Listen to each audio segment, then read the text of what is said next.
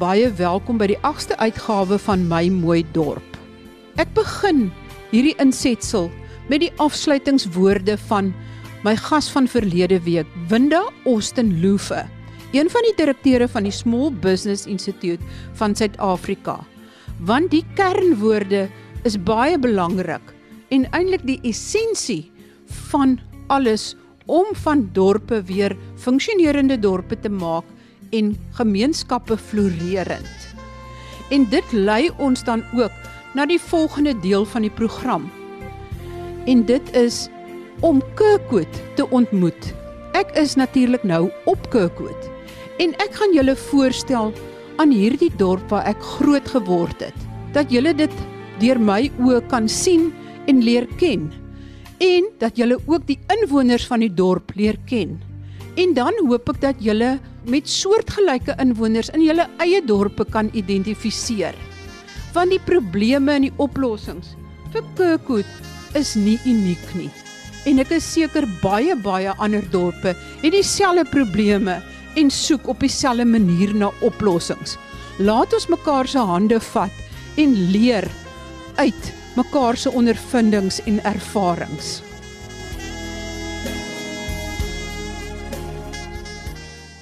Winda, wat is daai belangrike boodskap wat jy hoop almal sal ter harte neem?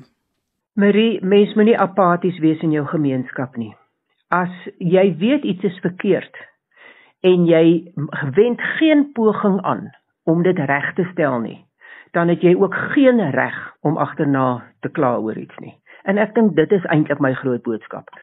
Wees betrokke, moenie apaties wees nie.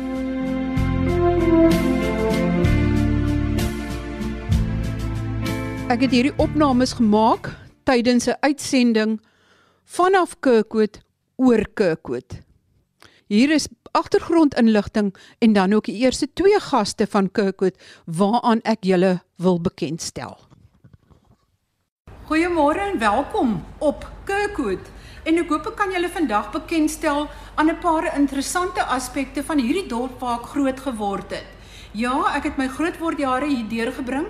Kom ek sê vinnig vir julle waar is Kirkwood? Dit is in die Oos-Kaap, dis redelik naby aan Port Elizabeth. As jy van PE af Gramstad toe ry, dan draai jy dan naby die Addo Olifant Park binneland toe en dan kom jy van Addo se kant af in die Sondagsriviervallei op. En dit is 'n lang maar vallei wat strek van omtrent van Addo tot reg deur amper tot binne in die Karoo, verby Kirkwood en dan is daar nog op pad na Kleinpoort toe en dan is daar nog steeds sitrusboerdery. Ja, dit is 'n sitruswêreld. Stel julle voor hoe dit lyk, dit lyk soos die Laagveld. Sitrusboorde op sitrusboorde. In die winter, in die plukseisoen is dit 'n muurnes van bedrywighede. En as jy in die vallei insak, want as jy van Pie se kant af kom, jy ry met die Karoo pad soos wat jy Graafrenet toe sou ry, is daar 'n afdraaipad so 20 km aan die kant uit te naag en dan sak jy letterlik so in die vallei in en jy begin hierdie groen vallei te sien wat tussen die suurveld en die berge ontplooi soos wat jy afsak. En dit is 'n vrugbare vallei. Die Sondagsriviervallei met Kirkwood as die kern is een van die grootste ekonomiese bedrywighede in die Oos-Kaap. Dit is naas die motorbedryf in Oos-Kaap, die grootste verdiener van bruto binnelandse produk en ook 'n groot verdiener van buitelandse valuta. Dus anders as baie ander plattelandse dorpe is hier ekonomiese aktiwiteit. Hier's werksgeleenthede veral in die plukseisoen wat baie baie gelukkig is vir die vallei en wat die vallei onderskei van baie ander dele in die Karoo want rondom die Sondagsriviervallei is dit bitter droog. Streke hierso waar eh, boere met wild, bokke en ander vee boer, is dit baie baie droog, maar die Sondagsrivier is verskriklik gelukkig want dit het water. Dit het konstante watervoorsiening. Dit was nie altyd so nie. Op 'n tyd was dit elke oes het die boere maar gestaan en kyk of dit reën of nie en oeste is vernietig of oeste het geswel na aanleiding van die reënval van daai seisoen. Maar al 'n hele paar jare terug het die departement van waterwese se ingenieurs en 'n paar baie innoverende boere van hierdie omgewing 'n plan bedink om konstante watervoorsiening aan die vallei te lewer en die Visrivier tonnel waterskema is ontwikkel wat water van die Gariepdam via die Visrivier tonnels tot by die Darlington dam voer en van daar af na die vallei toe. So ons is baie baie gelukkig en danksy daai skema kon die hoeveelheid grond onder besproeiing dramaties verhoog en danksy nuwe tegnologie waar dit eers in kanale en toe in bakke na die uh, bome versprei is, die water letterlik gelei is van boom tot boom, is daar nou mikrobesproeiing en kan baie groter dele onder aanplantings gesit word van sitrus. Soos ek gesê het, dis 'n groot uitvoerstreek, baie baie belangrike streek in ons land. En tog as jy in die vallei in ry en jy kyk verby hierdie pragtige groen vallei, die lemoenbloeisels wat jy ruik, die plek hier so in Oos-Kaap wat soos 'n stukkie van die hemel lyk, wat soos 'n stukkie van die Laagveld lyk, is die paaie vol slaggate. En jy kan duidelik sien hier is tog armoede. Hierso is woongebiede waar selfs in hierdie dorp waar daar baie werkgeleenthede is tydens plukgeseisoen, is daar mense wat nie werk nie, wat nie werk het nie of nie werk kan kry nie. Ons gaan kyk hoekom dit so is. En daar's baie dienste wat nie gelewer word nie, maar die sitruskwekersvereniging en ek sal net 'n meer detail gee, het al reeds ingespring en help om seker te maak en hulle hoof fokus is dat daar oralste krag uitkom, elektrisiteit en water, skoon water en watervoorsiening vir alle woongebiede en ook dat die rioolstelsels goed werk. Maar daar is ook ander probleme. Hier's baie veediefstal, hier's baie sitrusdiefstal. So ek gaan julle my eerste gas aan julle voorstel en dit is Greg Jones. Hy is algemene bestuurder van die Sondagsriviervallei se sitrusprodusente forum. En hy gaan ook so oorsig gee oor wat hier gebeur en hoe die gemeenskap en ek praat hier spesifiek van die sitrusboere, hoe hulle help dat sekere dienste gelewer word. Dis nog naaste by nie alles wat gedoen kan word nie, maar minstens is dit 'n dorp waar die gemeenskap reeds betrokke is. Hy gaan Afrikaans of Engels praat, hy's absoluut tweetalig. Hoe het dit gekom dat julle betrokke geraak het en hoe kry julle geld van die boere om te help met die instandhouding van sekere goed wat gedoen moet word sodat alles nie letterlik uitmekaar uitval nie.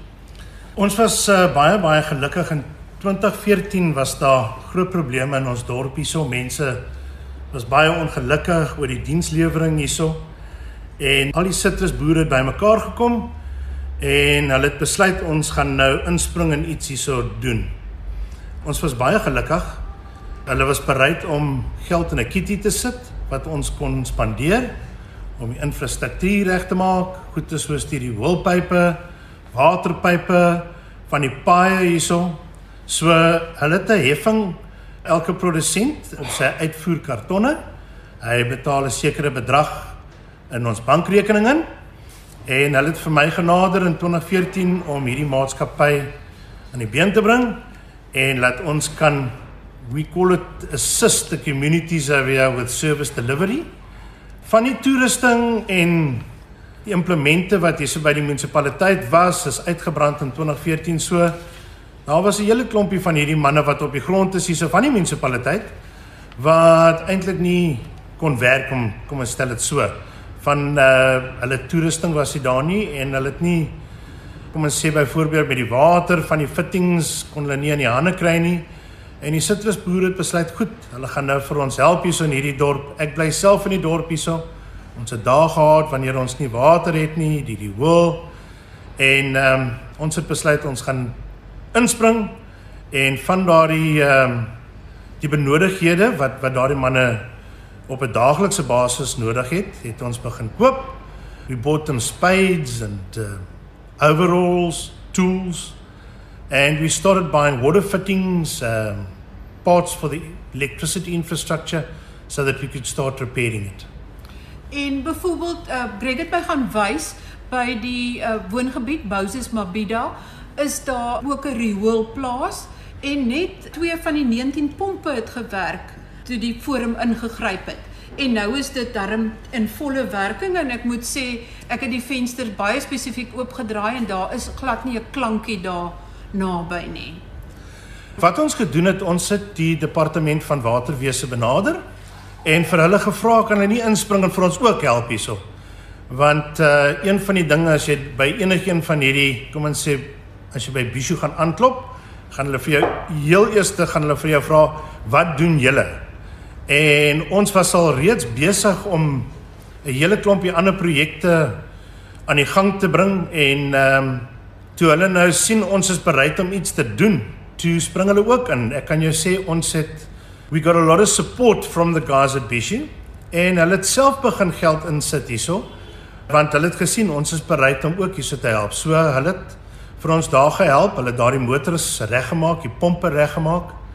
En op 'n daaglikse basis uh, gaan ons deur daar's elke dag. Daar is mense wat daarso nou is. Op daardie stadium was hierdie hoel, uh, dit was 'n groot probleem. Dit was 'n groot uitdaging.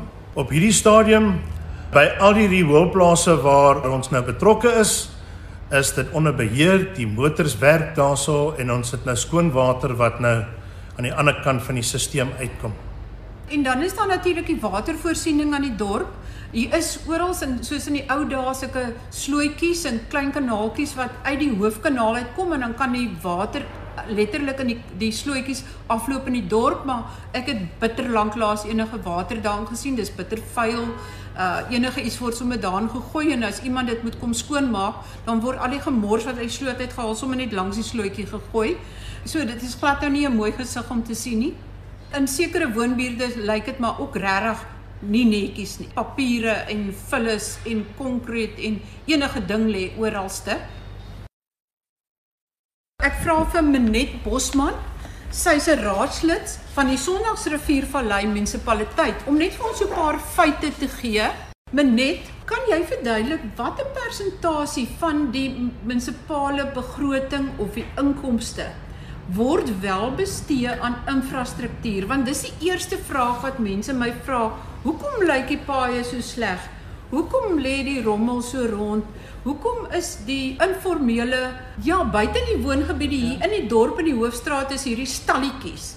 Wat 'n klomp mense en ek wou sê ek het al mense van Uganda, Ethiopië, Somalië, die Kongo, ehm um, ek kan omtrent die land Nigerië definitief, Zimbabwe, Lesotho in hierdie stad Ethiopië ja van elke liewe land in Afrika omtrent het 'n stalletjie daar maar dit lyk bitter ongeorganiseerd dit lyk bitter vuil dit lyk of party mense sommer binne in die stalletjie slaap. Daar lyk of daar 'n soort van gereeld vuur gemaak word agter die stalletjies. En dan het die dorp se swembad of park het 'n muur om en ek het daar oor die muur geloer en my byna dood geskrik vir wat daar aangaan. Maar vertel vir ons Wat gaan nie aan? Hoekom is die infrastruktuur so swak? Waarheen gaan die geld? Marie, ons sit in 'n baie hartseer situasie waar slegs 1% van ons totale begroting spandeer word aan instandhouding van die infrastruktuur, reparasies daaraan. Ons is 'n munisipaliteit wat maar grootliks ehm um, afhanklik is van soos hulle ons nou in Engels sê, die grants wat ons kry en om daarmee dit te hardloop geld word nie reg spandeer nie. Ek dink ons het met 'n groot probleem waar ons te veel konsultante aanstel om die werk te doen terwyl ons die mense in ons munisipaliteit het om die werk self te doen ook. Dan is daar ook natuurlik die probleem dat rekomendasies wat deur die raad gemaak word, word nie deurgevoer deur die bestuur nie wat 'n hartseer situasie is. En daar's geen gevolge bestuur ook nie. Die rede hoekom ons in hierdie situasie is waar ons dorp lyk soos hy lyk is omdat ons nie genoeg spandeer op instandhouding, op reparasies nie en dit is hoekom ons so so dankbaar is teenoor die Citrus Growers Producers Forum wat ons bystaan met hierdie dinge. Ek was self al baie in die posisie waar ek gekontak is deur ons manne op die straat, die munisipaliteit manne op die straat wat die hulle wil die werk doen. Hulle het net nie die implemente of hulle het nie die nodige soos ek gesê fitting nie.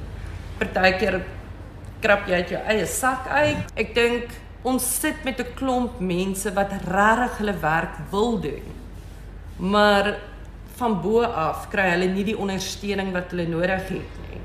Menet maar waarop word die geld dan spandeer? Ek verstaan julle het 'n begroting en elke keer word in die begroting gesê wat is die verwagte inkomste uit belastingbetalers uit en uit elektrisiteit en uit water en uit alles uit. Maar lyk my nie die munisipaliteit doen eintlik vreeslik iets om die wanbetalers vas te vat nie. Ek het in Aquapark wat hoofsaaklik 'n breinwoongebied is, gery daarsoos kragbokse of stallasies of stasies wat daar honderde verbindings uit is, die drade en kabels loop in die pad af, loop oor die pad. 'n Hele, ek wil amper sê 'n hele afdeling, 'n hele area van die woongebied is gesteelde krag. Is onwettige koppelings. Hoekom hoekom word dit nie gestop nie? Wat gaan daaraan? Marie, dit is ook 'n groot probleem waarmee ons sit. Ons is bewus van die onwettige koppelings. Ons meld dit gereeld aan. Desember 2019 het ons eintlik het ons manne uitgegaan om hierdie onwettige koppelings af te sny. Wat ongelukkig gebeur het is terwyl hulle daar is, is hulle met klippe bestook deur die gemeenskap en heeltemal verhoed om naby daai bokse te kom ons ly 'n geweldige verlies as gevolg van hierdie onwettige koppelings en dit is nie net onwettige koppelings van elektrisiteit nie, dis uh onwettige koppelings aan water. As ons kyk na ons waterverliese wat ons ly in die dorp waarvoor ons betaal maar wat nie gemeter word nie, kyk ons amper na ek dink 83% is ek korrek is van die water wat verlore gaan. Van water wat verlore gaan. Nou gedeeltelik is dit lekkasies, ehm um, mense wat kom water haal, daar is 'n waterpunt en nie daarvoor betaal nie omdat daar geen monitering is van daai punt nie. En dan ook natuurlik mense wat maar onwettig op op, op ander plekke die water kry en dat dit nie deur hulle meter hardloop nie. Ek meen ons het 'n paar baie goeie electricians en op 'n ligter noot nou baie goeie electricians en mense hierso wat weet hoe om die stelsel te jiphou. Ons het wel, soos ek gesê het in 2019, die uh koneksies is toe nou gesny. Ek dink nie dit was 24 uur later nie, toe is alle koneksies terug in die boks en Dit is nie net in Aquapark nie. Dit dit is 'n probleem wat deur ons hele vallei strek. Ja, dis 'n groot probleem waarmee ons sukkel. So kom ons dan ook aan die einde van hierdie episode. Skakel gerus volgende week weer in. Leer ken Kirkwood verder en eintlik deurdat jy Kirkwood leer ken, ook jou eie dorp verder. En ek stel julle dan ook aan nog inwoners van my eie mooi dorp bekend en wat ons hoop op die einde werklik waar een van die mooiste dorpe in die land gaan word. Tot volgende week dan. Groete van my, Marie Hudson.